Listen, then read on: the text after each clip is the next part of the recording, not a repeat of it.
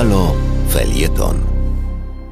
Przed mikrofonem Arkadiusz Szczurek z Lotnej Brygady Opozycji. Dzisiaj chciałbym się troszeczkę pobawić i pospekulować na temat nowych wyborów. Mianowicie uważam, że jak najdalej jesienią lub, lub e, na wiosnę przyszłego roku będziemy mieli nowe wybory. Jak zapewnie słyszeliście, Kaczyński y, mówi o tym y, w wywiadzie. Gowin mówi wczoraj y, o wypowiedzeniu umowy koalicyjnej. Ziobro, który chyba jest w najlepszej sytuacji, jak pokazują sondaże, najwyraźniej postanowił też grać, grać na siebie na długie lata. Może, może jeszcze sobie poczekać. Ja bym tego nie bagatelizował. Uważam, że sprawa jest jak najbardziej e, poważna.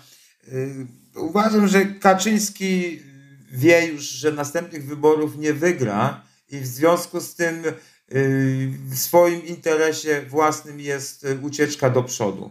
Po prostu, żeby nie było ostrego rozliczenia po, po klęsce wyborczej. Więc jak najbardziej y, uważam, że jest gotów na, na wcześniejsze wybory, bo uważa, że opozycja jest nią niepoukładana, jego koalicjanci przestraszeni słabym y, y, i słabym wynikiem mogą co najwyżej być może na przykład Ziobro dostać 5%, więc jest to, byłoby to dla niego ucieczką do przodu i sądzę, że jak najbardziej będzie do tego gotowy. Mamy tu wypowiedź również Terleckiego o przeszkadzaniu. Ja uważam, że ten układ się rozlatuje pod naporem własnych interesów, złodziejstwa, które mm, coraz bardziej wychodzi, takiej zwykłej nieporadności, y, która y, będzie coraz bardziej dla wielu ludzi widoczna. I Kaczyński może to uznać, że lepiej zaryzykować i pójść na wcześniejsze wybory, przedłużyć sobie mandat Y, o, o 4 lata, odsunąć tą klęskę y, i liczyć na szczęście, że być może y, nowa koalicja nie będzie tak poukładana. A tutaj jakby z tej, z tej logiki widzę też tutaj ten projekt, który ostatnio usłyszeliśmy o zmianie czy rozbiciu Polskiej Akademii Nauk.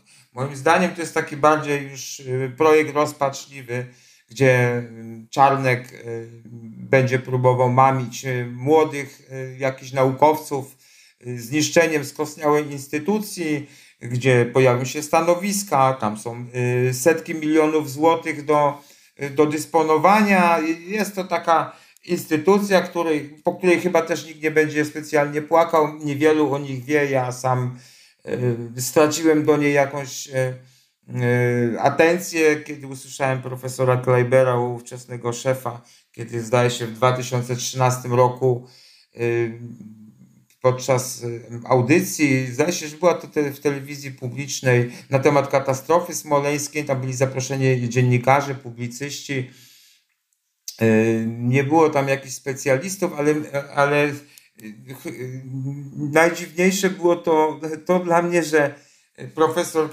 Kleiber, który jest profesorem nauk technicznych, był osobą najmniej merytoryczną. On tam zachęcał, jak pamiętam, do, do porozumienia. Ja, ja do, do dziś jestem w szoku, jak sobie przypomnę tę rozmowę, bo, bo gdzieś tu może być porozumienie no, w sprawie katastrofy smoleńskiej Y, albo się samolot rozbił, albo nie rozbił, albo była katastrofa, albo zamach. Tutaj nie ma jakiegoś pola dla, y, dla kompromisu, dla, y, dla porozumienia. Także sądzę, że wielu, wielu osób nie będzie płakało po panie, natomiast wielu będzie mogło zobaczyć w tym jakąś szansę kariery naukowej, stanowisk, grantów i, i temu podobne. Y, tu przechodzę może do katastrofy smoleńskiej, która jest kolejnym moim zdaniem czynnikiem.